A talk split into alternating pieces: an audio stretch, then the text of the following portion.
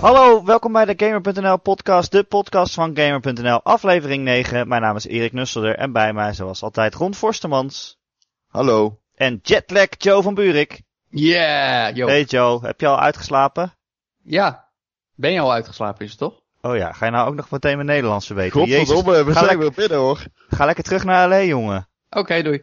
Doei. nee, jij was natuurlijk eh, bij de Star Wars eh, Celebration vorige week. Dan heb je ons nog even gebeld. Dat was hartstikke gezellig. Maar eh, ik hoorde ook dat je van de week toch wel je even verslapen had. Ja, nee, ja, dat eh, hou je toch. Hè. Vier dagen in LA, daar kan Ron over meepraten. Dan, eh, dan is het toch even moeilijk om weer in het ritme te komen. Maar eh, we zijn er weer en Snap ik ben ik. hier. Dus eh, Ja, je bent weer helemaal in het ritme. Fijn. Ja. Nou, dat is mooi, want we gaan het vandaag hebben over Black Ops 3. Eh, alles over die game is uit de doeken gedaan. Althans, zoveel als ze willen vertellen. Eh, we gaan eh, de vragen van de luisteraars beantwoorden. Er zijn een paar vragen binnengekomen. En eh, we behandelen natuurlijk het nieuws in eh, de Gamer.nl podcast. Elke maandag te vinden op onze website. Jawel, zelfs op Koningsdag eh, zijn we er gewoon. Eh, daar kun je hem eh, downloaden. Je kan hem luisteren via YouTube of natuurlijk via iTunes. En als je daar toch bent, geef dan gelijk even een rating met de sterren. Dan zijn we weer eh, beter vindbaar. Voor de rest, we, vinden we leuk. Juist, vinden we leuk. Vragen voor de podcast kun je sturen naar erik.gamer.nl, erik met een k.gamer.nl of achterlaten in de reacties op de site. Eh, genoeg van het hele riedeltje. We beginnen gewoon weer met het nieuws. Zoals elke week eh, hebben we alle drie weer eh, een nieuwtje mee naar de tafel genomen. Oh wee, het als je bij jezelf is begint, opgevallen. Erik. En eh, als jullie het goed vinden, wil Oh, ik graag een keer bij mezelf beginnen. Nee, nee. Want eh, het internet ontplofte nogal eh, deze week eh, door een nieuwe functie van Steam. Waarbij je modders hun, hun werken kunnen verkopen. Zeg maar die mods die, je die je dan in elkaar knutselt voor spellen. Het begint bij Skyrim. Ze hebben een overeenkomst gesloten met Bethesda. En ja, je hebt dus van die modders die eigenlijk gewoon bijna hele games maken. Die, die de originele game uitbreiden op een bepaalde manier. En die mogen daar vanaf nu geld voor vragen. Ja, maar dat is toch op zich niet zo verwonderlijk? Nou ja, de, de, de mod community die schijnt er te vinden dat het altijd allemaal gratis moet zijn. Maar dat, Ja. ik bedoel, ik, ik, ik snap het eigenlijk wel. Eh, dat wil zeggen, wat ik me eigenlijk meer afvraag is, wat vinden de makers van de games ervan? Nou, die krijgen dus eh, gewoon een percentage, dus eh, die zullen er blij mee zijn. En Ja. die hebben, het is nu dus Bethesda die een overeenkomst heeft gesloten met, met Valve en met Ja. Steam. Er gaat geloof ik 25% van de opbrengsten die gaan naar de maker van de mod. En de rest gaat naar, of naar Valve of naar Bethesda. Dus eh, ja, het is, Maar het is nog wel is- een hoog percentage wat je in moet leveren als een modmaker. Maar ja, het is natuurlijk eh, meer dan eh, niks. Maar is het, is het nou zo dat je dan alleen nog via die weg mods kan doen? Of kun je ook nog via de oude vertrouwde weg gratis mods installeren? Nee, je kan gewoon, eh, als je nu eh, bijvoorbeeld naar de pagina van Skyrim staat, er zijn geloof ik iets van 13.000 mods voor. En Ja. er, zijn, er zijn nu nog maar een paar mensen die dan ook echt, eh, zeg maar, een soort premium edition hebben uitgebracht van hun mod en waar ze dan eh, geld voor vragen. Ja. En ehm ja, het wordt een soort van eh, vrije markt, hè. Je hebt natuurlijk de hobbyisten die alleen maar eh, de texture van een dagger naar rood veranderen en dan zeggen, nou kijk, het is een bloeddagger en dan vraag je er 1 euro voor. Maar eh, er zijn ook, eh, ja, die heb je nu al van die mensen die echt gewoon hele dagen, hele weken, hele maanden daaraan spenderen en een soort van expansion pack maken. Zoals Skyrim, dat, dat, daar kan je echt gewoon hele grote content updates eh, mee, eh, mee downloaden. En ja, dat die daar geld voor kunnen vragen, dat lijkt me toch niet zo heel gek. Nee, dat vind ik best reëel. Maar ik, ik bedoel meer van. Ik, ik, ik, ik vind het juist terecht dat dit komt. Het enige wat ik me kan voorstellen is dat de community denkt: dit is een slippery slope en het begint hiermee en over een paar jaar is Ja. alles betaald. Dat lees je veel, ja. Dat mensen Ja, zeggen, nee, ja, dat- wat, what's next moet ik ook voor patches betalen, weet je wel. Maar Ja, nou ja, dat, dat, dat, dat zou niet moeten. Maar ik, ik vind het best reëel als ik eerlijk ben. Eh, Maar, of is dat gek? Nee, er valt gewoon iets voor te zeggen, denk ik. Ja, Ja. het, het wordt gewoon een soort van vrije markt. Hè. Je hebt gewoon nog steeds modders die zullen zeggen, nou ja, fuck it, ik ga het gewoon gratis aanbieden. En, eh, en je hebt modders die zeggen, nou, ik wil er best wat aan verdienen, want het is, het is zoveel werk geweest. Eh, Ja. Misschien worden het dan geen grote bedragen, maar ja, die markt die reguleert zichzelf ook, weet je wel. Je krijgt natuurlijk van Ja. die hobbyisten die 10 euro vragen voor iets heel simpels. Maar dat wordt Ja. dan vervolgens, als het goed is, niet veel verkocht. Hey, ehm, wat ik me afvraag, Ron, eh, jij bent Ja. van de Counter-Strike en zo, hè? Mhm. Dat begon toch ook ooit gewoon als een mod? Ja, klopt. Eh Counter-Strike is ook begonnen als gewoon Half-Life mod. Eh, Ja. Was er destijds nooit gekomen natuurlijk met dit model. Nee, Dus, maar eh, nee, oké, dat. Nou ja, dat, dat, nou ja, dat snap waarom ik, maar niet? wat... Ja, Waarom niet? Je kan toch nog steeds als hobbyist beginnen aan een mod en het dan gratis, eh, gratis eh, verspreiden? Dat kan toch nog steeds? Dat kan nog steeds. Dus je, die, die, die entry fee die je zeg maar betaalt, die is dan Dat hoeft niet. niet van toepassing. Nee. Alleen op die premium editions. Ja, Ja, dat is natuurlijk wel een ding. Ik- Kijk, weet je wat het is? Ik las gisteren een interview met de maker van eh, Gary's mod. Dat is die, die, die mod van Half-Life Ah, ja. 2, die, dat, die toen ook voor echt geld verkocht is uiteindelijk. Eh, die heeft zeg maar ook zo'n soort van professionaliseringsslag doorgemaakt. Ehm, en die is er eigenlijk helemaal voor. Omdat hij zegt, ja, mijn product had nooit zo goed kunnen worden zonder die inkomsten. ja. Ehm, dus ik snap het wel. Maar in het geval van Counter-Strike is het natuurlijk een ander tijdperk. En voor Counter-Strike zou je misschien kunnen zeggen, op het moment dat je toen had moeten betalen voor digitale content, dan had het waarschijnlijk nooit het levenslicht gezien. nee, dan was het misschien niet zo veel groot geworden. waren. Dan was het misschien ook niet zo groot geworden, want nu kan je natuurlijk gratis een mod downloaden en dat even proberen. En als het niks is, gooi het weg. En als het wel wat is, dan wordt het misschien heel groot. En- Hoe groot was het MOBA-genre geweest als, eh, als Dota geen gratis mod was geweest? Nou, dat is een goede vraag. dat zijn van die dingen die eh, kun je achteraf natuurlijk niet echt.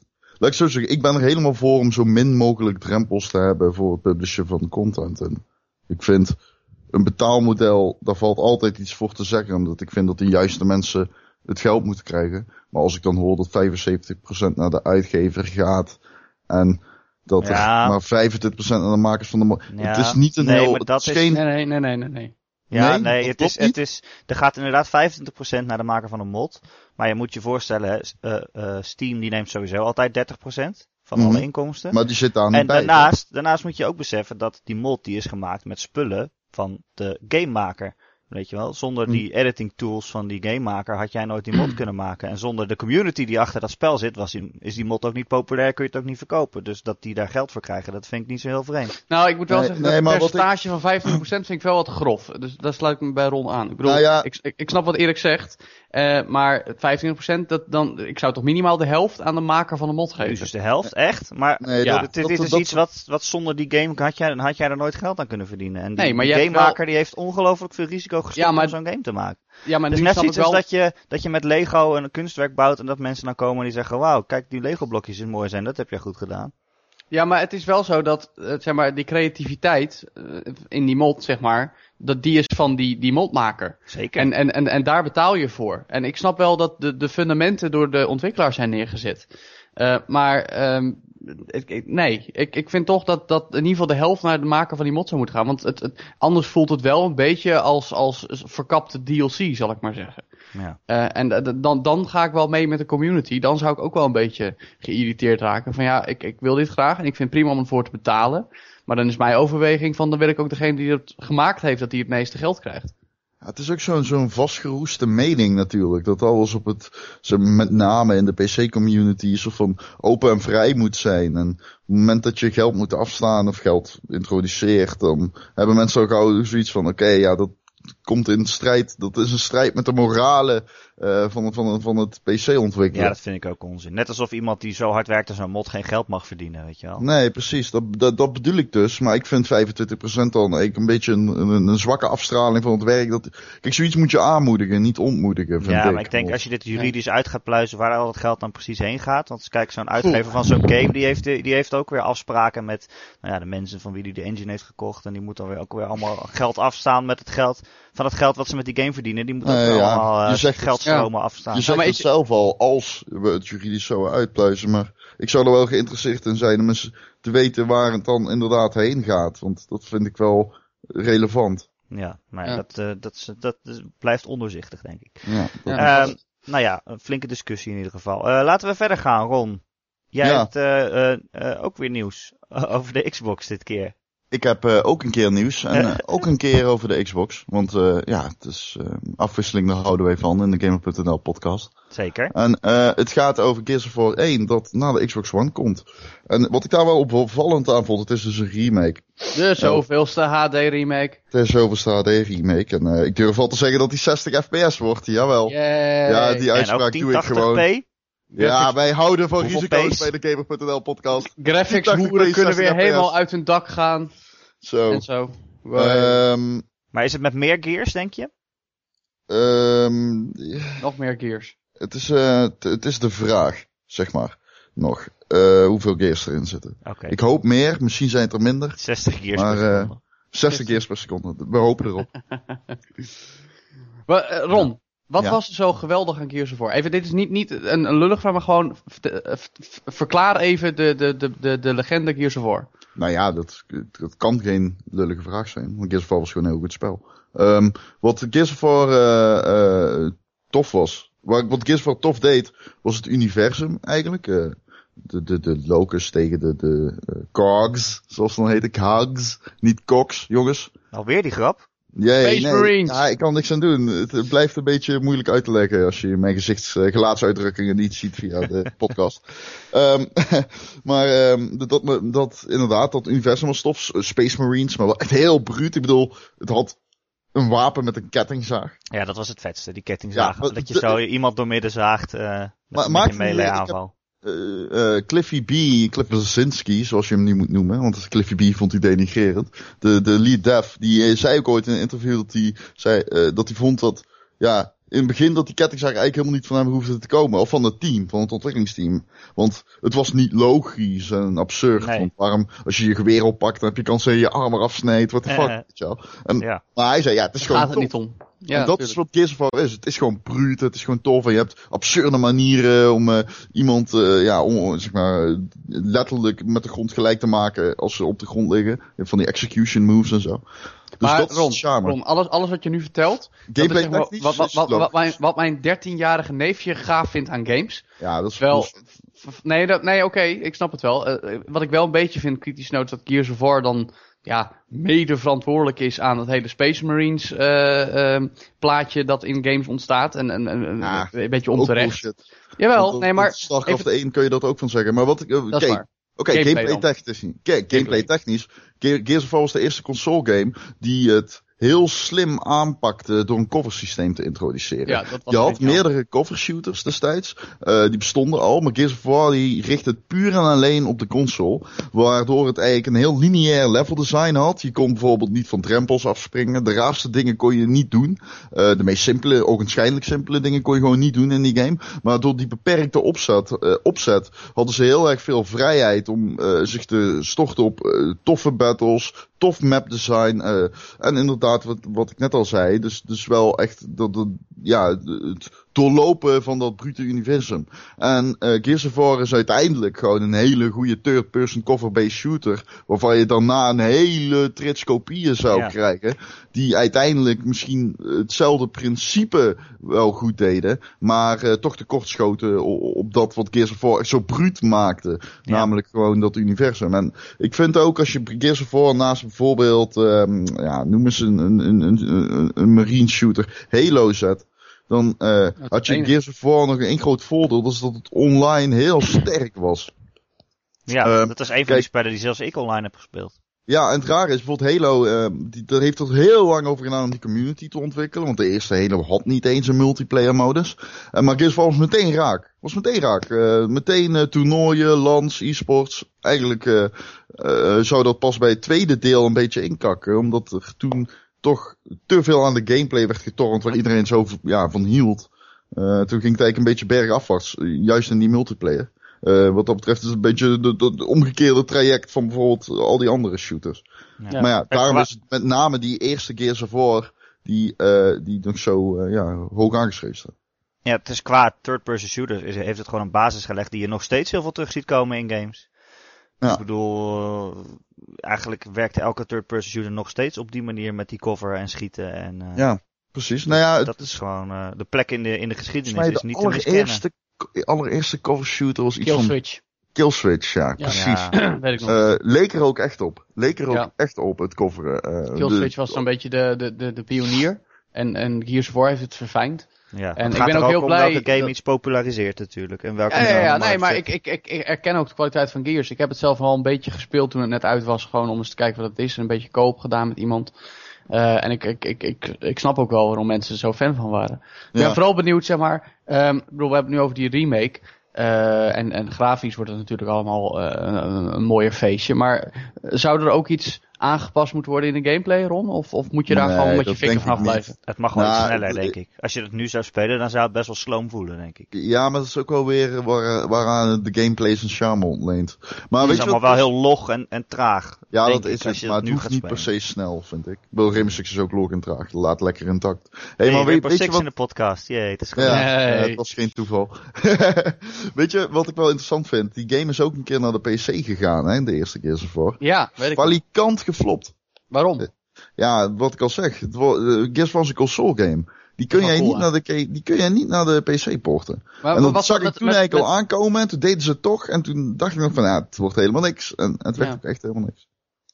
Ja. Maar eh, dan even terug naar het nieuws dat er nu een remake eh, komt van het eerste deel. Zit je daar op te wachten, Ron? Nou, ja, nee. Wat is dat voor open deur? Ja, Nee. Ja nee. we hebben het nu alleen maar over de geschiedenis. Ik denk, laten we het Ron heeft helemaal geen zin om dat, om dat fantastische spel nog een keer te spelen. Nee, echt niet. Nee, het boeit me gereed. Nee, meen ik. Het boeit me helemaal gereed dat iedereen... Nee, ja, what the fuck. Ik heb die game eh, 30.000 keer gespeeld. Ja. Ben, ben ik benieuwd naar wat de nieuwe Gears of War met 60 fps 1080p gaat doen? Nou, nee. Waar ik wel benieuwd naar ben, is, Is de, de nieuwe. nieuwe Gears of War die op de E3 aangekondigd gaat worden door Black Tusk. Want die studio, daar weten we natuurlijk niet waar ze mee bezig zijn. Maar iedereen weet dat, maken. precies. Want iedereen weet dat ze bezig zijn met de nieuwe Gears of War. Oh, Dus- en, en, en dat je natuurlijk dan een demo van een nieuwe Gears of War krijgt als je de HD-uitgave van het eerste deel koopt. Oh, dat zou heel goed kunnen. Of een Nou, beta of zo. ah, of, eh, it all makes sense now. Dat eh, zou allemaal kunnen, dat weet ik niet. Maar ik ben in ieder geval benieuwd op de E3 wat ze uit de doeken gaan doen. Want dat in de makers lijkt me evident. Ik, ik, nou, verluid zou deze eh Gears of War trouwens, die remake in ontwikkeling zijn bij Splash Damage. ja. Maar ehm, ik dacht toch echt dat hij bij Black Tusk in ontwikkeling nee, die zijn echt met een nieuwe Gears of War bezig. Ja. Ja. Ja. Ja. Ja, Dus. Vorige E3 hadden ze zo- zo'n filmpje, zo'n niet-zeggend filmpje van... hey, kijk, wij kunnen mooie graphics maken, maar wat het is, dat vertellen we niet. En toen hebben ze dat project geschrapt om, eh, om Gears of War te gaan maken. Wist je dat Epic ook ooit een Kinect versie heeft gemaakt van Gears of War? Nee, Dat is nooit uitgekomen.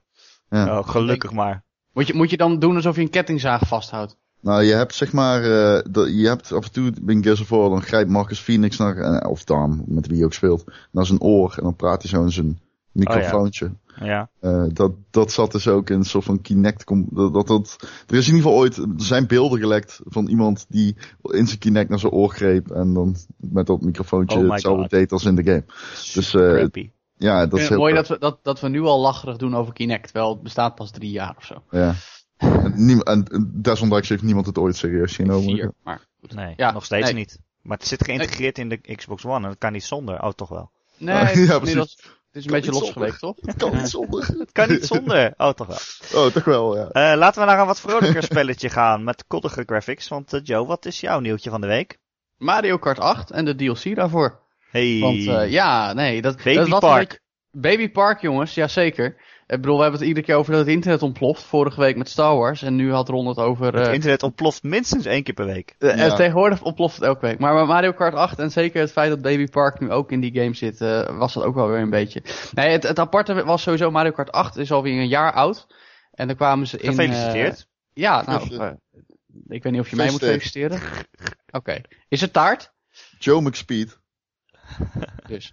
Ehm, en toen kwam die, eh, eh, in het najaar kwam er de eerste DLC voor die game. En dat was toen maf, want dan kon je zeggen, nou, ik wil gelijk een bundel kopen. En dan krijg ik in mei of in april krijg ik ook DLC. Dus eh, dat was een, een tientje aftikken en je krijgt de helft. En de andere helft krijg je een half jaar later. Dat is de Ja, dat is lange wereld. termijn denken. Dat is de om- omgekeerde wereld van hoe het meestal werkt. Dat is, krijg nu iets Oh. en betaal later. Maar, Season ehm, Pass, dat is toch wel niet eh, heel... eh, Jawel, maar bij een season pass weet je nog dat je over zeg maar, de komende maanden content gaat krijgen. En nu is zo, betaal nu en over een half jaar krijg je iets, maar we zeggen nog niet wat. Het enige Oh ja. wat we wisten was dat het Animal Crossing DLC zou zijn, voor een deel. Ehm, en dat, dat is het dus ook. Er zit onder andere een circuit van Animal Crossing. Eh, ook weer nog een circuit uit F-Zero, net als in de vorige DLC. Eh, Waarom maken ze allemaal niet gewoon een F-Zero? ja, dat is verschrikkelijk. Z- Zeker als je nagaat dat nu deze nieuwe DLC erbij zit een update voor de game, waardoor je een nieuwe eh, eh, snelheid krijgt. 200 cc. Dat is ongekend. We hadden al 50, 100, 150 en Mirror. En nu ook 200 cc. En ik heb het gisteravond ook nog even een tijdje te spelen. En het is gewoon alsof je F-Zero aan het spelen bent. Het is echt krankzinnig snel. Echt? Zo snel? Ja, het is echt heel snel. En ik, ik vind dat heel tof, maar wat je zegt, waarom maken ze niet gewoon een nieuwe F-Zero? Uh, of Nintendo heeft echt zoiets van, ja weet je, we hebben Mario Kart en daarin zitten we F-Zero banen en meer snelheid en dan, dan is het goed zo. Of ze hebben zoiets van, oké mensen waarderen dit, laten we toch maar weer een nieuwe F-Zero maken. Maar het is wel, het is wel, mee, uh, Iwata en zo. Ja, het is wel bijzonder dat Nintendo nu helemaal met de DLC uh, in de weer is, toch? Want meestal ja. doen ze daar niet aan mee. Nou nee, inmiddels hebben ze dat ook wel gevonden. En ik moet zeggen dat ze dat echt fatsoenlijk doen hoor. Uh, ik, ik, maakte net een beetje betaalmodel of belachelijk, of in ieder geval hoe, hoe je het krijgt, zeg maar, in twee delen. Uh, maar als je ziet wat je ervoor krijgt, de, in beide pakketten zaten twee cups met vier banen. Dus in totaal acht banen in beide pakketten, dus 16 banen. in totaal zes nieuwe characters, stel nieuwe cards. Uh, nou, dan die nieuwe uh, difficulty. Um, en ook echt, het, het, het, het voelt alsof het met liefde gemaakt is. Het voelt ook niet als iets wat ze achter hebben gehouden bij de ontwikkeling van de reguliere game. Want je kreeg gewoon het aantal squeeze dat je altijd bij een Mario Kart krijgt. Maar je krijgt nu echt, nou ja, dus Animal Crossing banen, F-Zero banen, een Zelda baan zat er bij de vorige. Uh, ook een paar remakes, dus naast Baby Park van andere oude Mario Kart squeeze uit notabene de, de Game Boy Advance versie. Cheese Land vond ik altijd een, een, een persoonlijke favoriet. Uh, en ik dat, vind hem een beetje cheesy, maar... Ja, maar, nee, maar het, het, het tof is dat je echt, als je het speelt, voelt het alsof mensen de, alsof er, er liefde in is gestoken. En dat heb ik heel vaak bij DLC niet. Dan voelt het als een stukje dat ze van de originele game hebben afgehakt waar je nog een keer extra voor moet betalen. Nou, en dat... ik heb bij die Mario Kart ook wel altijd dat ik denk, ja, de helft van die game is altijd de tracks die ik al ken van vorige delen. En nou is die DLC ook nog eens uh, tracks van uit het verleden. Ja, maar dat is, ja, maar dat zo is, is lekker ook, makkelijk. Nou ja, laat ik zo zeggen. Zo, zo, was het bij de allereerste Mario Kart die retrobaan introduceerde. Dat was de Game Boy Advance versie. En dat was in 2000. Toen hadden we nog lang niet van DLC gehoord. Um, en daarna had je de, de Gamecube versie had weer geen retrobanen. En toen de Wii versie had wel weer retrobanen. En toen wist ook nog niet echt wat DLC was. Dus dat is altijd al een beetje zo gegaan. Dus ik, ik, ik vind dat, ja, dat is misschien net hoe je het beleeft. Maar dat is niet echt cheap of zo. Nee, Snap ja, je? ik vind het alweer teren op nostalgie. Wat, wat Nintendo natuurlijk wel vaker doet. Jawel, nee, dat, daar is Nintendo heel goed in. Maar dan slagen ze er wel in om er ook echt iets heel tofs mee te doen. Het is niet alsof ze oude banen rechtstreeks hebben overgezet, hè? Nee, bedoel, ze, dat, dat Cheeseland, je hebt ook Ribbon Road, dat komt ook uit de Game Advance versie. Eigenlijk het enige wat van die banen over is, is de naam en de layout heel grof. Ze hebben echt alles opnieuw ontworpen, helemaal in 3D en, en met hindernis. En het, het, het ziet echt compleet anders uit. Als je niet zou weten dat het gebaseerd was op die Game Boy Advance banen, dan, dan zou je het niet herkennen als iets wat ze hebben opgepoetst, zal ik maar zeggen. Oké. En dat, nou, dat, dat vind ik wel ja, sterk. Mario Ja, Kart nee, maar, is natuurlijk echt een hele leuke partygame bij uitstek. maar ik proef een beetje dat jullie het niet gespeeld hebben. Mario Kart. Ja, Nou ja, het is een- zo, echt zo'n spel wat je alleen maar speelt op een feestje bij iemand thuis. Even, ik, Ik ja, vind dat wel- Niet in mijn ik- ik vind thuis. Ja, maar dat vind ik dus Een leuke onderschatting. casual game is het, zeg maar. Ja, maar het is geen leuk. Ja, nee, het is wel een leuk. Het is geen leuke casual game. Het is meer, het is meer dan dat. Ja, dat vind Maar ik ga dus jij echt in je eentje Mario Kart zitten spelen, Joe? Ja, Eh, precies. Ga jij lekker een avond Mario Kart spelen? Nee, maar kijk, meestal als ik Mario Kart speel, dan doe ik dat samen met mijn vriendin of inderdaad met vrienden. Maar ik kan zeker wel in mijn eentje ook Mario Kart spelen. En dan, ja, dan doe je dat één of twee cups tegen de computer, maar dan ga je online. Online is echt heel sterk bij die game. Eh, ik vind Mario Kart 8 eh, de beste van de Wii U games. En de Wii U heeft best wel wat goede games.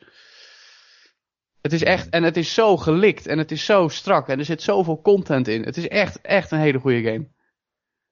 Oké. Maar ja, het, het is toch altijd een game die ik alleen met andere mensen zal spelen. En, Nee, dat- eh, aangezien ik ook niet zo'n zo'n online speler ben, is het dus niet echt iets voor mij. Ja, wel op zo'n feestje, maar ja, hè, daar koop ik Ja, ik nou ben wel een online Mario speler, maar ik kan me ook niet voorstellen dat dat een leuke game is om online te spelen. Maar dat is misschien omdat je nog nooit online gespeeld hebt, Ron.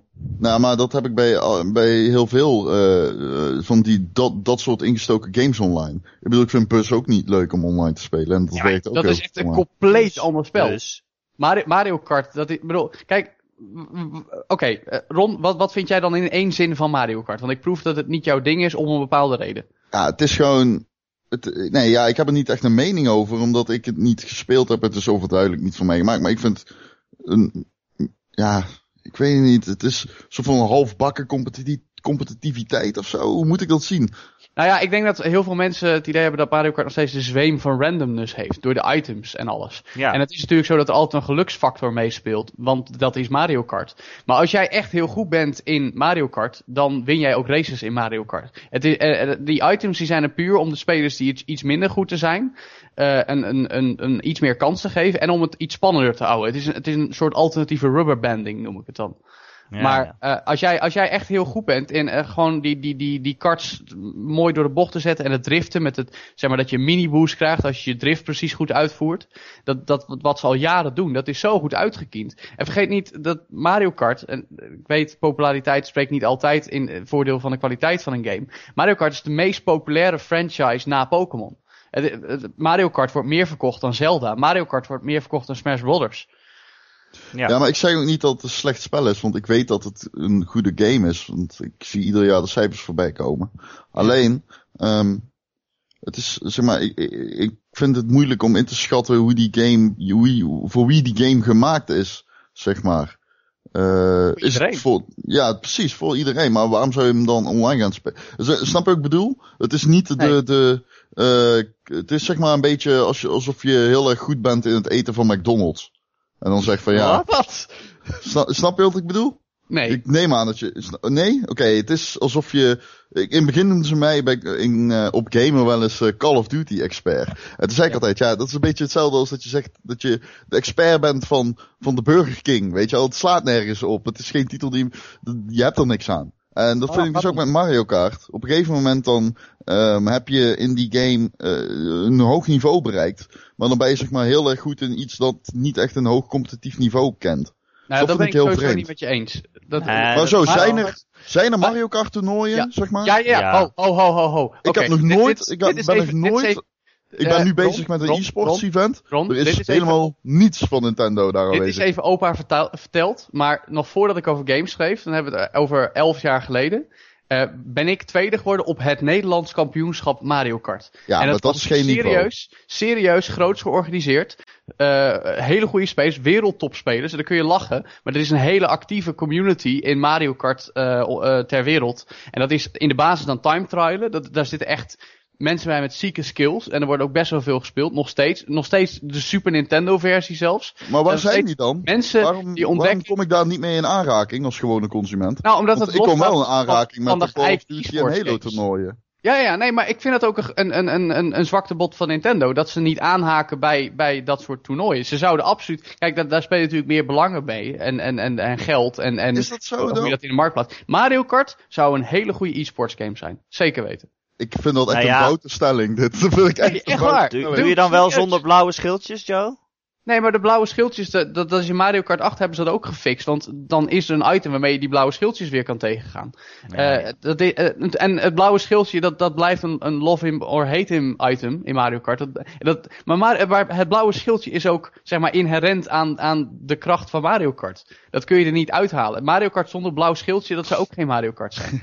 Ja, ik, ben, eh, ik ben even de draad kwijt. Maar laten we het erop zeggen. Laten we het erop houden dat ik eh, heel goed begrijp.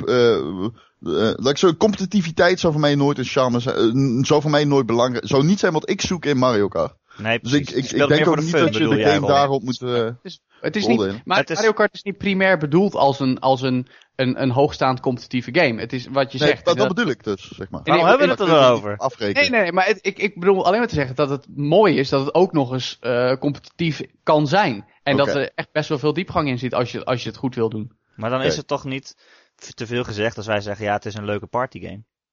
Nee, Dat zo er, is dat er mensen zijn die er per se heel goed in willen zijn, oké, maar dat heb je bij alles wel.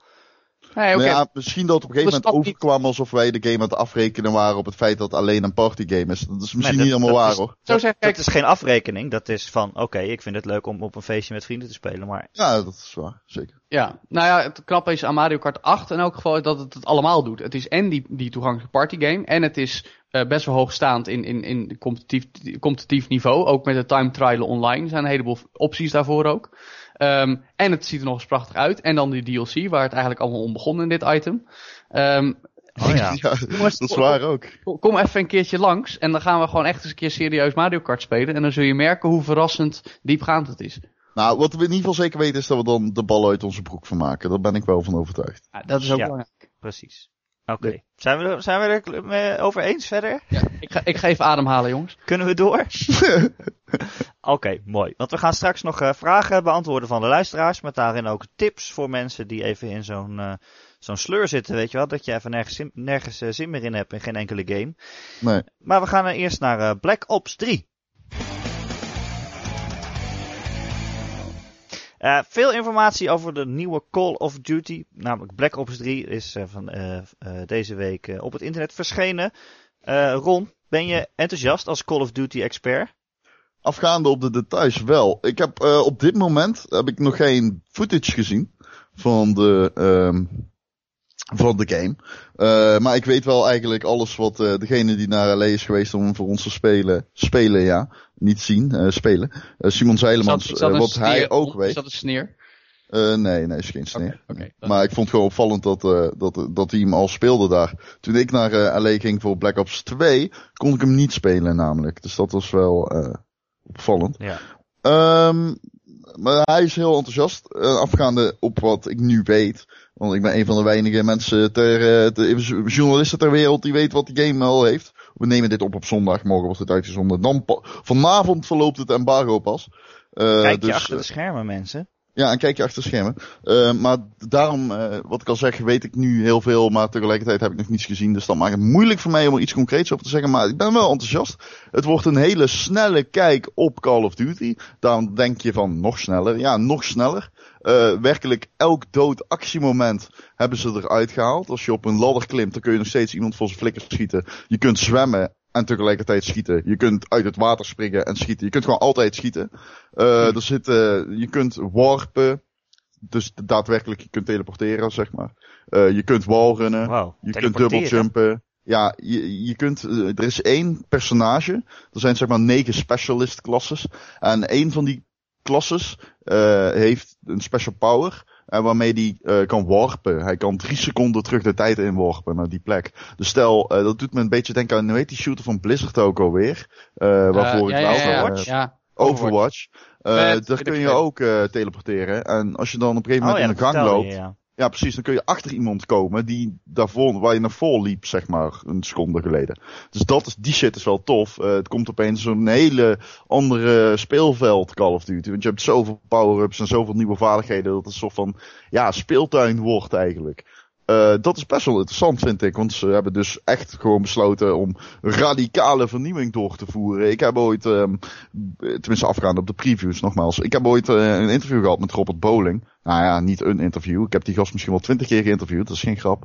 eh, van, van Infinity Ward. Maar die, dat was de community manager. Maar Robert Bowling zei tegen mij. Nou, eh, je hoeft nooit bang te zijn dat Call of Duty de richting van science fiction opgaat. Nou, dat wou ik Laser zeggen. guns zullen we nooit doen. Want we willen altijd dat je het gevoel hebt dat je een militant hebt, eh, bent. En dat je, in, eh, dat je een echte gun vasthoudt. Ja, maar Dus wat je nu Skip allemaal naar vertelt. 2015, Black Ops 3. Waarin je een cyborg bent met laserwapens die Wat? tegen robots. Nou ja, Het is dat- toch- dat, Dit dat is vind ik wel... toch, ja, dat is vind ik dat wel Call of. Duty eigenlijk dan? Als je zegt je Ja. kan teleporteren, dat wordt meer, dat gaat een beetje Nee, maar dat- Mass Effect kijk, lijken Dat zo. is dus wel één dingetje. Dat kun je maar één keer in de enkele minuten doen. En je hebt de keuze. Je bent niet. Ja, dan gaan we de diepgang in. Maar je hebt dus negen specialist classes. En die hebben allemaal of één Uberwapen of één Uber skill. En die, je hebt een metertje dat loopt vol. Dat gaat altijd en bij iedereen loopt het vol. Alleen loopt sneller vol als jij heel erg goed bent. Dus goede dingen doet. En je moet van tevoren kiezen of je dat metertje gebruikt voor je eh, weapon of voor je skill. Dus je kunt maar één van de twee doen. En je kunt het dus maar twee of drie keer in een match doen. Oké. Snap je het een beetje? Ja, Ja, ik snap het wel. je wel, hebt gewoon een ja. soort van super eh, ability. Ja. Maar is dat, eh, is, hoort dat wel bij Call of Duty, vind jij? Nou ja, wat je dus krijgt, eh, het gaat er mij vooral om hoe vloeiend die game speelt. En eh, dat, daar, dat is gewoon Kots grootste charme. Dat noemen ze ook altijd de COD feel, noemen ze dat. Maar dat is eigenlijk gewoon de 60 fps en, eh, en gewoon een hele, hele accurate hitboxes en een goede netcode. Dat is eigenlijk gewoon die COD feel. Een beetje geript van Quake eigenlijk. Maar, maar dat doet het perfect. Want ja, als je kijkt naar de waar, waar, waar Infinity, of uh, Treyarch nu de nadruk op legt, is dat puur op snelheid gewoon. Het moet nog sneller, nog meer actie. Uh, dus ja, ik weet niet. Kijk, als jij een oldschool Call of Duty verwacht, dan, uh, ja, dan weet je, dan, dat, die ga je niet meer krijgen, denk ik. Zeg maar. Nee. Een nee. COD 4-achtige Call of Duty. Maar die, die is, kun je is, gewoon is, vergeten. is, is het einde dan niet een beetje zoek? Hoe bedoel je? Nou, nog meer snelheid, nog meer actie. Ik bedoel, als ik kijk naar een livestream van jou dat je COD aan het spelen bent, Uh, dan en, en, en dan ben ik een beetje een COD-leek, maar dan denk ik al, wat, wat gebeurt hier allemaal? oh, als, het dan, als het dan nog meer wordt, ik, ik, ik wil best wel Call of Duty spelen, maar dan mag het voor mij wel een tandje rustiger, zoals deel 1 of 2. Weet je wel? Ja, Deel Ik snap 1 het. of 2. Maar in die Nou tijd ja, was alles ik- nog een tandje ik ben rustiger. daarin... Wel, eh, maar, nee, maar even serieus. Ja, ja. Ik ben daarin heel, eh, echt een oud gediende, Joe. Ik heb ooit eh, Modern Warfare 2 gerecenseerd en toen erbij gezet van... Ja, ik vind het een prima game, maar... Of ik vind het een geweldige game, maar die killstreaks, die kunnen, dat kan nog wel eens uit de hand gaan lopen. Het kan nog wel eens heel druk worden. Dat, dat bedoel ik, ja. Ja, en vervolgens iedere Call of Duty daarna ging, bouwde daarop verder. Dus je kunt van mij zeggen dat ik al sinds Call of Duty 4 een beetje teleurgesteld ben in die serie. omdat het steeds maar daarop verder bouwt. Ehm maar ik heb wel zoiets van, als ze geen COD 4 maken, eh, eh, of ze maken niets dat eh, het verlengde is van Black Ops 3. Ik hoef niks wat daartussenin valt, zeg maar. Ik hoef Ja, niet ja. die halfbakken innovatie. Dus dan vind ik dit wel weer tof. Het is wel weer dat je zoiets hebt van, oké, ik wil het even spelen. Advanced Warfare had natuurlijk ook die, Advanced Warfighter had natuurlijk ook die, ehm, die jetpacks en die thrusters, waardoor je kon dashen en zo. En dat Ja, was wel weer iets waardoor je, precies, die exosuit, waardoor- maar daardoor wil je wel weer even die game testen en spelen. Ja, Ja. inderdaad, wat jij vertelt klinkt wel als iets dat ik dan ook wel, wel weer op zou pakken om even te spelen. Ja, Meestal, dat meestal als ik Call of Duty heb- speel, dan doe ik alleen de Ja. singleplayer. En dan Uh-huh. speel ik daar doorheen. En dat, en dan vind ik dat wel leuk. En dat is dan zo'n game waar je even in zes uur doorheen knalt.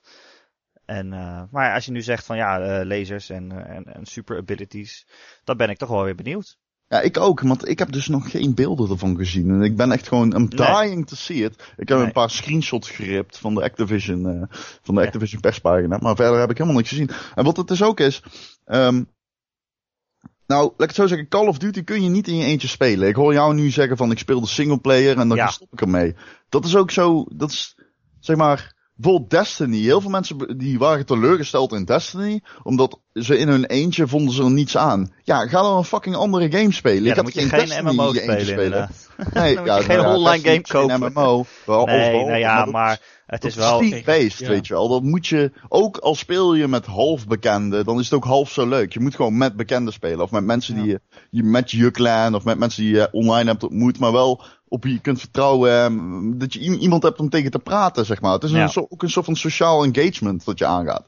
En ik vind het heel raar eh, als ik dan mensen Call of Duty afzeiken of multiplayer in het algemeen bij games, maar die het dan alleen aangaan. Alsof het een soort van, alsof het zo is van, ja, jij moet mee van maken een multiplayer game. eh, br- breng die entertainment. Maar zo werkt het natuurlijk niet. Nee, maar Dat, is, dat, dat snappen meer mensen niet. Ik bedoel, ik ga er ook even in fietsen, want Ron deed net ook. GTA Online kun je ook alleen spelen met mensen die je kent. En als je weet wat er leuk is. Nee, maar ik, ik snap daarom wat bij Call of Duty, zeg maar, waarom je met mensen moet spelen met wie je kan communiceren om het maximale eruit te halen. Anders gaat het gewoon niet werken.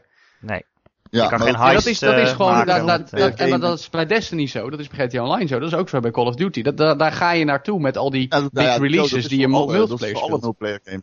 Ik durf zelfs te zeggen dat het voor racers zo is. En dat het voor RPG's ook zo is. Die moet je gewoon met andere mensen spelen. Anders is het gewoon Ja. minder leuk. Nee, Nou bij, bij, bij, bij, racers in mindere mate, maar eh, het, het kan wel helpen. Maar zeker bij de games die je nu net noemt, die, echt, die hele grote. En bij RPG's ook niet per se. Hoezo zou je RPG's met z'n tweeën moeten spelen? Juist niet. Nee. Dat is juist Nee, een game die ik lekker Speel. Nee, oké. Ja. Maar wat ik nog even wilde Maar shooters zeker wel. Nee. Wat ik nog even wilde toevoegen aan dat hele gebeuren over Black Ops 3. ehm, dat, eh, dat Black Ops 2 had een hele goede eh, competitieve modus. Eh, de, de Champions, noem ik het, de Champions Series van League Play. En wat dat deed, dat ripte zeg maar alle overbodigheden uit de gameplay. Dus de slechte maps, de te sterke wapens, de kut.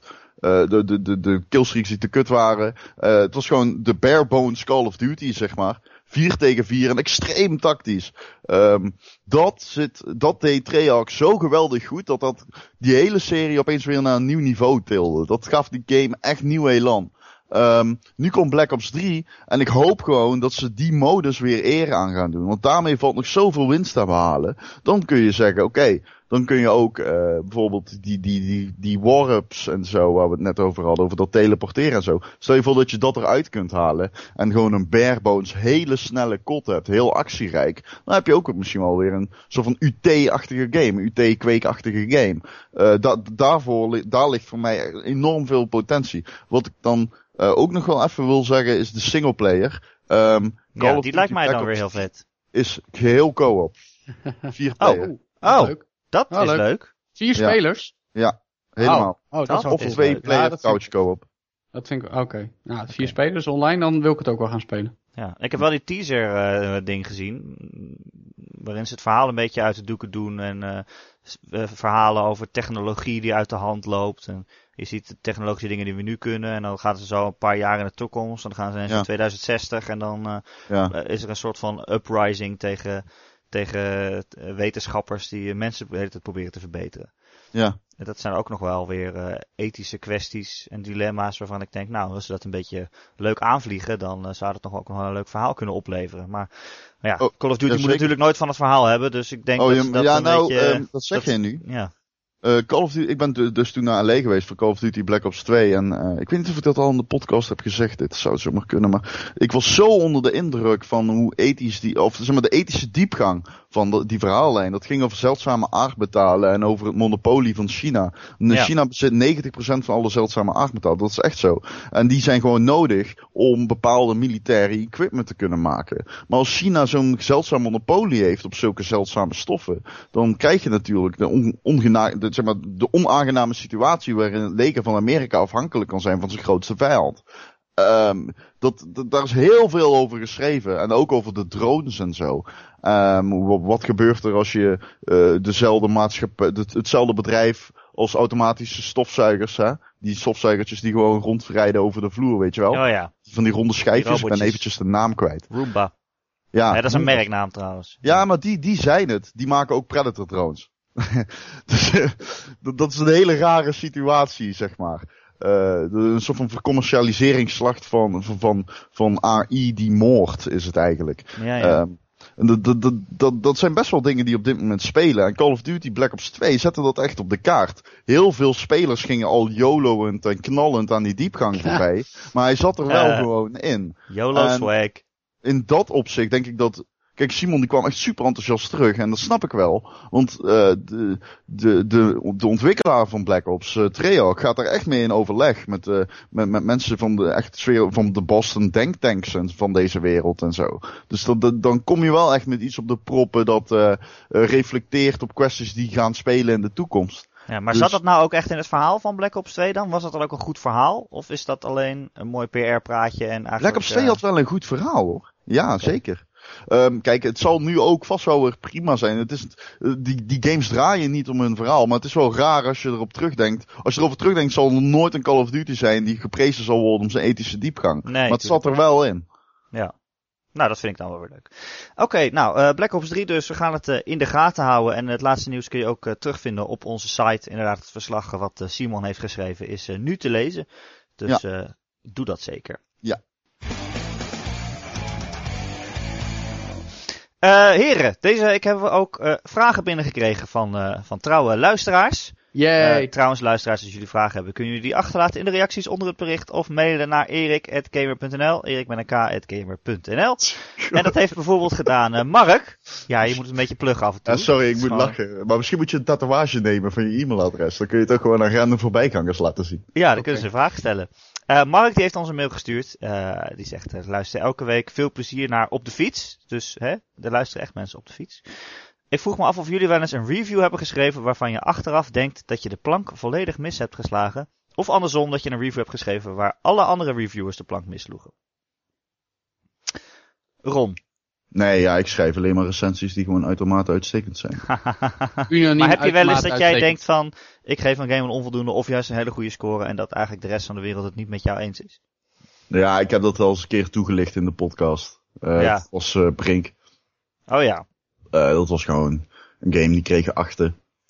Ik voelde al aankomen dat het gewoon een kut game was. dat was het ook. Ja, toen, een week daarna kwam iedereen tot de conclusie dat er niets aan was. En volgens mij drie weken daarna, toen kwam er een patch die de game vernielde. En vijf weken daarna speelde helemaal niemand het meer. Echt gewoon niemand. Dus je had eigenlijk gelijk en de rest van de wereld niet. Nou ja, en, uh, onze zustersite Inside Gamer gaf een 8,5. Ik heb nog op die jongen ingepraat die hem recenseerde, maar het, wil, het mocht niet baten.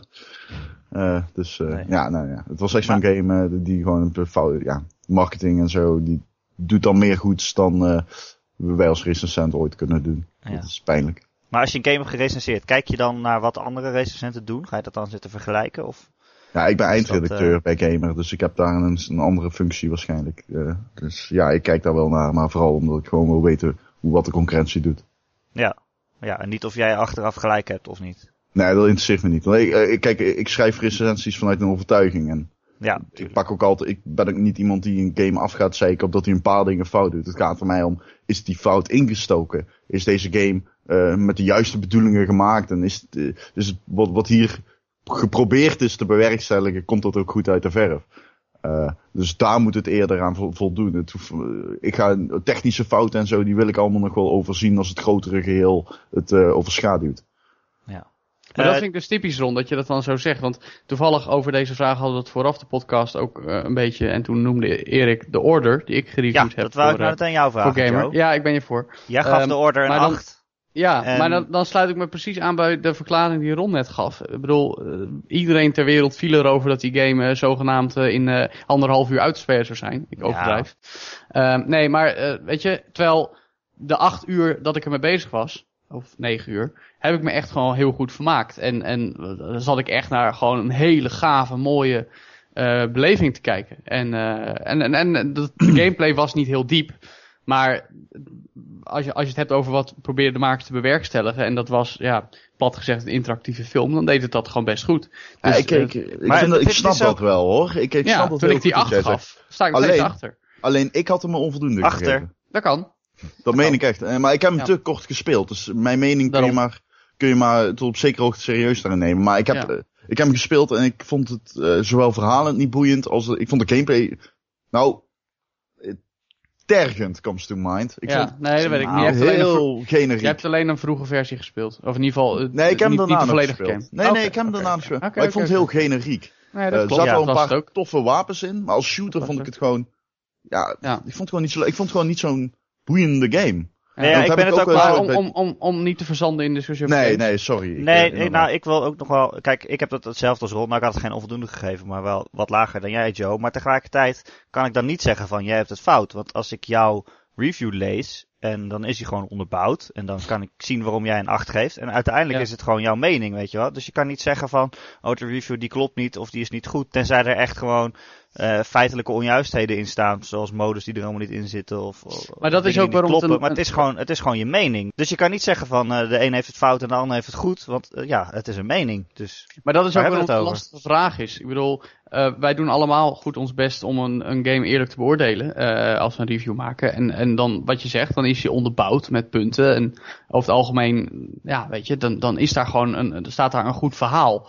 En dan moet het een beetje raar lopen, wil je achteraf denken van, oh, nou, dat had ik toch echt verkeerd. ja, kan mening is verkeerd. Ja, dat, Ja, dat, nee, maar- dat, dat gebeurt Nee, maar- Nee, nee, dat Nee, klopt. het kan eh, zijn, het kan zijn dat je iets gewoon op een bepaalde manier gezien hebt. Of dat je overdonderd was. Dat heb ik dan wel eens. Daar moet, moet ik heel eerlijk in zijn. Notabene met twee racegames heb ik dat gehad. Grid 2 en ook Need for Speed Most Wanted.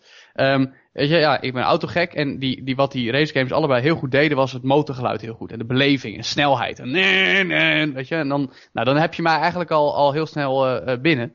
Eh, terwijl bij Grid 2 was er gewoon een, best wel een gebrek aan content en variatie. En bij for Speed Most Wanted, dat was eigenlijk best wel zoals Burnout Paradise. En dat was niet zozeer het probleem, maar het, het er zat een beetje een disconnect in de gameplay. Het was, het was heel erg over de top. En dat is for Speed dan wel vaker, maar dan ook wel weer dat het, dat, dat, dat, het, het racen door de straten in free roamen, dat dat eigenlijk gewoon niet zo goed werkte. En die game had ik wel een 9 gegeven. En achteraf zou ik dat veel lager hebben beoordeeld. Maar Maar over dat is dan, Meer Over- hoe je, hoe, je, hoe, je, hoe, je, hoe je... Ja, dat is toch een beetje tunnelvisie, zou ik maar zeggen. Over het recensietraject, want eh, als we het daarover hebben. Dat is, Gamer onderscheidt zich ook met andere websites in, in Nederland vooral, maar ook wel internationaal durf ik te zeggen. Dat wij een hele goede, of wij, wij hebben een eindredactie. Laten we het in ieder geval daarop houden. Ja. En nee, Eh, maar- Ron, Ron, Ron, ben jij van WC Eend? Eh, nee, maar je mag best zeggen dat een eindredactie het verschil maakt tussen een recensie die onbeargumenteerd is en een recensie die beargumenteerd is. Hoe vaak lees je wel niet een recensie waarvan je denkt, nou hoe kan dit zijn doorgekomen? Hoe kan iemand, dat is gewoon iemands mening, alleen dan eh losgerukt van alle reflectie van, van iemand anders. Zeg maar, je hebt iemand anders nodig die jouw argumenten aan het licht houdt. En op basis van jouw argumenten met, zeg maar, je, jij kan bijvoorbeeld in de order een 8 geven en zeggen, ja, het ziet er gewoon vet uit en het heeft toffe guns en ik vind het leuk. Maar op het moment dat jij eh, die, eh, dat niet verder toe kan lichten, dan, eh, dan zitten er gaten in jouw argumentatie. En ik vind het belangrijk in recensies dat, zeg maar, wat Erik zegt klopt gewoon. Je kunt het ergens wel niet mee eens zijn, maar een recensie kan nog zo goed eh beargumenteerd en eigenlijk dus gewoon dichtgetimmerd zijn, dat je het er alsnog niet mee oneens kan zijn. Niet op basis van die recensie. Nee, En je daar kan draait wel, een goede recensie je om. kan en wel daar is dus een eindredactie belangrijk voor. ja, je Ja. kan wel bepaalde argumenten voor jou belangrijker of minder belangrijk vinden. En dus het cijfer anders, dat het cijfer anders uit zou vallen. Maar die argumenten, die, die, die, als het goed is, staan die gewoon. Ja. Ja. Ja. Oké, maar daarom dus- vind ik dit dus ook een rare, dat, in die zin is Ja, het ook een moeilijke vraag. Het is een moeilijke vraag, nee, wat ik ja. zei. Wat ik Want je hebt eigenlijk bijna nooit dat je je mening hebt en dan achteraf denkt van, oh, maar andere mensen vinden iets anders, dus mijn mening is ineens anders. Hey, je maar kan, je kan wat- wel denken van, hè, hoe kan iedereen dit een goede game vinden, terwijl je, terwijl je zelf je mening was van, het is niks. Dat, dat zou Ja. kunnen. Hebben Maar jullie, dat hou je, maar, dat hou je eh, natuurlijk altijd. Hè? dat Ik, bedoel, altijd. ik, ik noemde net Burnout Paradise. Ik weet dat een heleboel mensen nog steeds lyrisch over zijn. En niets liever willen dan een nieuwe Burnout. Ik vind Burnout Paradise best wel middelmatig. Ik vond het helemaal niet Oh. fijn, fijn werken. Dat, dat heel hard racen in een open wereld. Ik vind sowieso open wereld race games op, op tempo. Dat, dat werkt niet. Hm. Dus nou, die vond ja. ik dan wel weer leuk. Laten we Nee, doorgaan naar dat- de volgende vraag. Eh Cornish heeft ook een vraag ingestuurd. Die zegt: Ik heb zelf minstens één keer per jaar dat ik totaal geen zin heb om spellen te spelen. En ik vroeg me af in hoeverre jullie zelf hiermee te maken hebben. Zelf ga ik dan gewoon andere dingen doen, maar als het je werk is, dan heb je daar toch minder vrijheid in.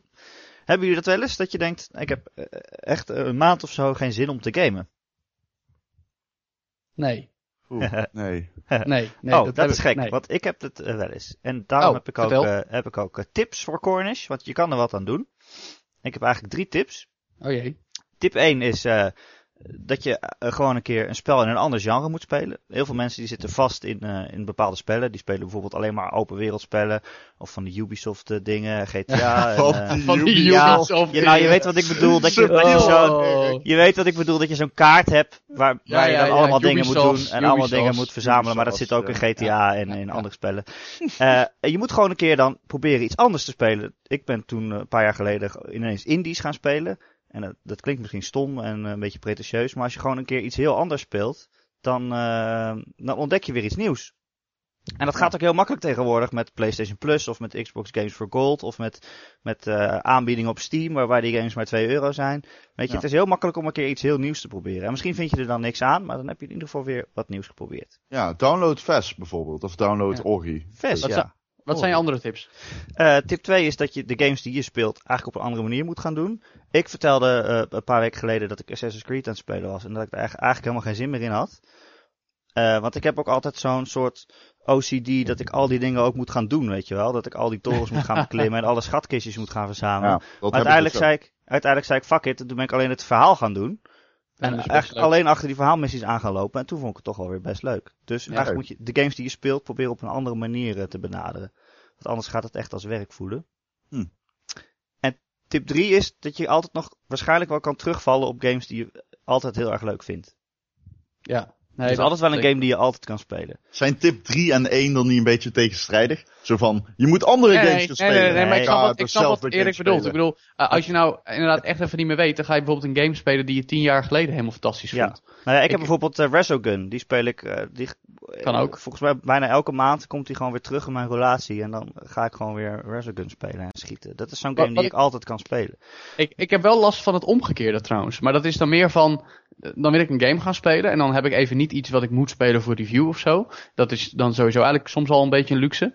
Ehm, En dan denk ik van, goh, wat zal ik nou eens gaan spelen? En dan kijk ik naar mijn uh, kast naast de televisie. Daar staat ongeveer nou, een, een, uh, 20% van al mijn games. En dan denk ik van, nee, daar heb ik allemaal geen zin in. Dan zet ik mijn PlayStation 4 aan. Dan heb je de library met al die PS Plus games. Dus dan ook ja. tientallen inmiddels. Dan denk je, wat ga ik daar nou eens van spelen?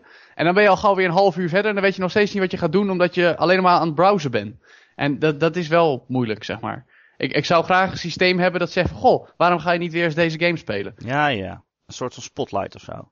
Ja, zoiets. Ja, ja dat precies. is natuurlijk moeilijk omdat je dan voor een deel fysieke games hebt en voor een, voor een deel digitale games. Maar er zijn zoveel games. En dan, van, hey, je hebt deze ook nog, die heb je nog niet gespeeld. Ja, ja, wel. Ja, ja, ja, precies. Maar dan ook het liefst zeg maar, getailerd naar waar ik zin heb. Want dan, dan kan, kan het best zijn dat PS Plus weer een paar leuke games uh, gratis heeft gegeven. Maar dat vind ik dan weer niks aan. Of zo. Ja, ja. Maar dat is helemaal heel moeilijk. En dat, dat, dat, maar ja, dus. Het komt er eigenlijk op neer, weet je, sommige, ik heb dat ook wel eens dat je denkt, het, het, gaat een beetje als een soort werk voelen. Dat je denkt, oh, ik moet nog Assassin's Creed spelen en ik moet nog al die dingen halen, weet je wel. Maar ja, het, het hoeft helemaal niet. Waarom zou dat moeten? Nou ja, ja ik, ik, ik, heb wel dat ik dan soms ben ik aan, aan het werk of ergens denk, goh, die game wil ik weer, weer eens gaan spelen. En dan, dan zit het een paar dagen in mijn hoofd en dan kom ik er eindelijk aan toe en dan speel ik een kwartier en dan ben ik er weer klaar mee. En dat, dat is dan ook weer jammer. dat is het voordeel van een competitieve gamer zijn, zoals ik. Uh, ik heb dat dus nooit. Ik heb dat nooit. Nee, dat snap ik. kan gewoon altijd, uh, kan ik Counter-Strike spelen of ik kan altijd uh, Call of Duty spelen. Je hebt er nooit geen zin in? Nee. Maar, maar ja, nee. Dat is, dat is handig. Okay. Dat heb ik nog iets met Mario Kart. Nee, maar ik heb natuurlijk, eh, ik, laatst trouwens uh, zijn redacteur mij, heb je ooit singleplayer games gespeeld? Die dacht echt dat ik alleen maar competitieve games speelde. Dat is natuurlijk niet waar, maar dat, dat is wel mijn vangnet, is dat wel gewoon, zeg maar. Als je, snap je dan wat ik bedoel, als je zeg dat mijn ja, vangnet is? Ik. Ja, ja. Zeg maar, dan val ik al, kan ik altijd uh, weer verliefd op worden. Nou, dat is wat ik bedoel met uh, tip 3. Het is altijd wel een game die je zo goed vindt dat je hem altijd kan spelen. Iedereen oh. heeft dat. Ja. Uh, Corner stelt eigenlijk natuurlijk dan ook nog een andere vraag impliciet. Namelijk dat het onze baan is om die spellen te spelen. Heb je dan wel eens dat een spel eigenlijk zo slecht is dat je niet door wil spelen, maar dat je toch moet? Ja, zeker. Nee, ja, dat, ja. Uh, dat zeker. Ja. En wat doe je dan? Ja. Dan wordt het echt werk, hè? Ja, er zijn zoveel, men er zijn zoveel mensen die hun werk bij de saai vinden en die het toch gewoon moeten doen. Ja, dan doe je het. Nee, dan doe je het. Ik heb ook een keer uh, Damnation gerecenseerd. Dat was een, Damn. kweekmod. Ja, goed hoor. Godverdomme. Ja, nee, te hebben inderdaad. Het was super slecht. Um, um, ja, op een gegeven moment dan denk je ook echt van, oké, okay, ja, ik wil dit eigenlijk niet meer spelen. Maar je bent aan je stand verplicht als recensent. Je kan het ja. niet maken om niet te spelen. En dan is het gewoon werken. Uh, maar gelukkig krijg je voor betaald, zeg maar. ja. ja, wat ik zeg, er zijn zoveel mensen die hun werk niet, niet altijd leuk vinden. Maar ja. ja. Hè, als wat werk betreft een, een, een niet zo leuk spelletje spelen is, dan hebben we alsnog mazzel, zou ik zeggen. Wij mogen iedere dag uh, biddend opstaan dat wij het belachelijk relaxte beroep van game recensent hebben, toch? Of ja, niet dan? precies. nou, dan wil ik nog wat... Uh, wil ik nog wat aan jullie vragen voordat we gaan afronden? Is er nog iets wat jullie gespeeld hebben, wat je graag even genoemd wil hebben? Ron? Uh, ik heb State of Decay gespeeld. Uh, oh ja, die komt uh, open wereld. Week uit. Deze week. komt volgende... Deze week uit. Deze week uit, ja. ja open wereld zombie survival game. Uh, nou, het is een remaster, want hij kwam natuurlijk al uit op de PC en de Xbox 360. Nu komt hij weer naar oh, de PC. weet ik weer. Ja, ik weet weer welke game. Ik weet weer, dat is toch dat je in het bos begint met die mensen en dat je dan met een auto en zo. Of heb ik nu een heel andere game voor ogen? Uh, je begint in een, uh, in een vissersdorp. Dat is Daisy, denk ik, wat jij bedoelt. Nee, ik, ik voor mij, nee, ik, ik heb wel zoiets op de 360 gespeeld. meer, denk ik. Ja. Het klopt min of meer. Het was die, die, het is van uh, Undead Labs, een soort van indie-achtige indie game. Ja, ja, ja, ik heb wel lelijk. Ja, ja ik vond, ja, ik weet, ja, ja, ja, ik weet het. Ja, heel buggy. Ja, ja best lachen, precies. Nou, het was heel diepgaand. Het is een mengelmoes van verschillende genres. De echte charme van uh, die game is niet het feit dat er gewoon zombies rondlopen, maar dat je, ja, je moet je resources managen. Je moet zorgen dat je uh, je relaties onderhoudt. Je moet je homecamp bijhouden en upgraden. Je hebt, zeg maar, allemaal kleine dorpjes waar je gewoon naar binnen kan lopen en dan kun je keukenkastjes opentrekken op zoek naar resources. Oh, op zoek naar resources. Dus je hebt, eh, je hebt echt heel veel te doen in die game. Het is heel diepgaand. En uh, het grootste charme zijn niet de zombies die erin rondlopen, maar juist het feit dat het inderdaad zo compleet is. Het is echt een survival game en dat, dat maakt het wel tof. En nu weet ik weer waarom ik ben gestopt met het spelen. Ja, weet je wat het wel heel tof, wat die versie wel kut maakt, is dat je geen kan, je hebt, uh, die eerste game, ze was heel buggy. En dat is deze remaster ook gewoon nog steeds. Dus dat vind ik dan wel raar. Het is in die zin niet eens een Ultimate Edition of zo. En wat ik ook kut vind, destijds hebben ze die co-op aangekondigd. En deze game die vraagt gewoon op co-op. En in de vorige podcast zei ik van, oh vet, ik, want die remaster die vast die co-op. No way, hij heeft gewoon ook niet die co-op. Hij zit er gewoon niet in. Nee. Uh, die plannen zijn gecanceld door uh, Undead Labs. En dat vind ik wel echt, ja, dat vind ik wel heel jammer. Bedoel, de redenatie die, klo die, die zal vast kloppen. Ze zeggen ja, het kon, het kon gewoon niet, gameplay technisch. Nou prima, dan, maar, dan kun ik, ja, ik ben wel teleurgesteld. Zeg maar. Ja, ik vind het wel echt jammer. Joe, wat uh, jij, heb jij nog gespeeld?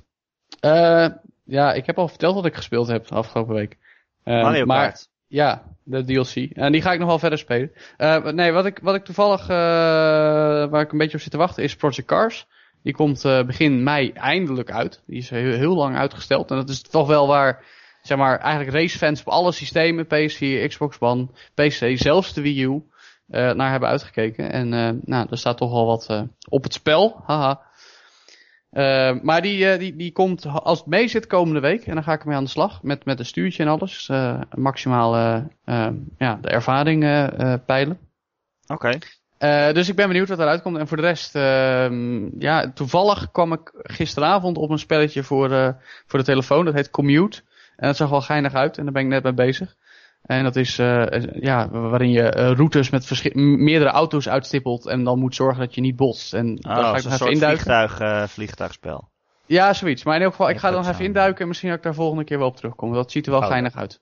Oh, leuk. Dus, en jij? Ik heb Never Alone uitgespeeld. Dat is dus dan zo'n leuk klein spelletje dat ineens op PlayStation Plus staat. En die vond ik echt heel leuk. Het is, het is een Alone. Maar het, het, het is ga- tegelijkertijd een soort van documentaire over uh, hoe, uh, hoe uh, Eskimo's leven. Jij mag geen Eskimo's zeggen, geloof ik. Dat is dan Nee, dat is maar- racistisch, dit. Ja, uh. Inu Inuit. Maar zelfs, Inuit, dat, zelfs dat is racistisch, geloof ik, want het- ze hebben allemaal verschillende stammen. Maar het is dus uh, uh, ja, een, een leuke platformer en tijdens het spelen speel je dan fragmenten van een documentaire vrij. En uh, ja, dat soort spellen vind ik ook wel erg leuk. Valiant Hearts had dat bijvoorbeeld ook. Dat, het is en leuk om te spelen en je leert ook nog wat ondertussen. Dus, uh, nou, dat vond ik wel leuk. En deze weken ga ik aan de slag met uh, uh, Project Steam. Op de 3DS. Op de 3DS. Oh ja. Ja. Eh, is die game niet al heel lang uit? In Europa niet. Oké. Nee, nee, in Amerika Ah. wel inderdaad, maar in Europa niet. Dus ik moet hem nog spelen. Maar dat is een soort, ja, zo'n soort Advance Wars-achtig spel, weet je wel. Een soort Ja, tactisch, uh, dat- tactisch mm, turn-based, maar dan in, in third person. Ja, ik, ik was Eh. niet onder de indruk van de demo, moet ik zeggen. Nee, ja, ik heb al wel een stukje gespeeld. Het is, het is wel grappig. Je moet zeg maar een beetje lopen en rekening houden met wie jou kan zien. En uh, uh, zodra je in het zicht van iemand komt bijvoorbeeld, begint hij gelijk te schieten. Dus je moet een beetje uh, echt tactisch plannen. Maar ja, de echte diepgang heb ik nog niet ontdekt. Maar ik, ja, hè, wellicht komt dat verderop in het spel. Dus uh, ga gewoon uh, lekker doorspelen. Leuk. Wie, wat is dat beest dat je achtervolgt in Never Alone? Is dat een grote rat of zo? Of wat is nee, uh, dat is een Aha. vriendje. Dat is een, een Arctic Fox. Een, uh, hoe heet hem? Een polvos, geloof ik. Nee, Oké. dat? Ah, Een polvos. vos. Een vos in ieder wat geval. lief. En hij is echt heel erg lief. Ja, hij is dat super schattig. Ik Ja. hou van lieve dieren in games. Dus uh, Nou, dit, is Ja. echt, uh, dit is er weer één voor in de verzameling. oké. Hij is heel Een verzameling van opgezette game dieren. Ja, ik ga ze allemaal opzetten. Je gaat ze allemaal opzetten. Uh, moeten we nog vooruitblikken wat er nog deze week uitkomt? State of Decay zeiden we al. Doe eens. Shuffle Knight komt naar de, naar de Xbox. Oh ja, Xbox. One. En Broken Age heeft eindelijk uh, het tweede en laatste deel uh, dat verschijnt. Die Adventure van Double Fine, waar we volgens mij al iets van meer dan een jaar weer op zitten te wachten. Dat was- Kickstarter, dat hè? was dat het, eh, wordt nooit eh, wat met games. Nee, het was het Kickstarter succes en nu, uh, nou, nu kan ik het eindelijk ook gaan spelen. Ik heb altijd met die, met die games die in ep- uh, episodes uitkomen, dat ik het pas ga spelen als alle afleveringen er zijn. Ook met die Telltale games, Walking Dead en zo. Pas als alles er is, dan ga ik Nou, spelen. dat, dat, dat, die neiging heb ik ook met Game of Thrones. Maar ook omdat het nu weer het nieuwe seizoen is. Dus dan ga ik eerst lekker uitkijken. En als ik dan nog zin heb en zeg maar al die Game of Thrones games van Telltale zijn net uit. Dan ga ik denk ik ook wel aan de slag met die games of zo. Maar die Telltale die zit ook op zo'n raar schema, dan kan je geen agenda opbouwen. Die, dan ineens is het er weer iets en dan moet je weer twee maanden wachten. Nou, daar heb ik dus geen zin in. Die, die, die schijten gewoon een nieuw deel uit wanneer ze Wanneer moeten. het klaar is. Ja. Ja, wanneer het klaar is. Oké, nou jongens, uh, ik denk dat we kunnen afronden. Dank jullie wel dat jullie er waren. Ja, ik vond het leuk dat je er was, Erik. Ja, ik vond het echt leuk dat je er was, Erik. Kun je vaker komen? Ik kan, Ja. ik, volgende week eh, kan ik wel weer. Ben- Ja, ook Joe. Ik vond het ook leuk dat jij er was. Ja, jij mag ik was ook er ook vaker dus. komen. Oh, dat vind ik tof. Ja, ik ben er volgende week wel weer. Maar daarna niet meer, denk ik. Ga je op vakantie? Nee, ja en nee. Maar daar hebben we het volgende week wel over. Oké. Um, en bedankt aan de luisteraars. De Gamer.nl podcast elke maandag uh, te downloaden via onze site gamer.nl. Eh, ook te kijken via YouTube en luisteren via iTunes. En op iTunes kun je ook abonneren en dan krijg je hem gewoon automatisch eh, op je eh, Apple producten.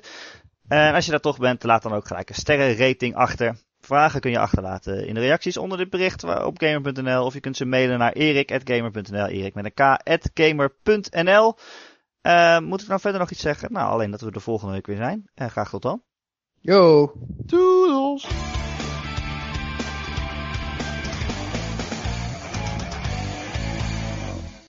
Hallo? Hallo. Hallo. Hallo? Horen jullie mij? Ja, ik hoor je. Oké. Hallo? Hallo? Hallo? Hoort iemand mij? Ja. Hallo. Hallo? Hallo? Ja, wat, wat is dit? Hallo? Joe? Ja, Hallo? ik vind het niet leuk meer. Ron? Ron? Erik? Hoor je dit? Erik? Ja? Hallo? Hallo. Hey.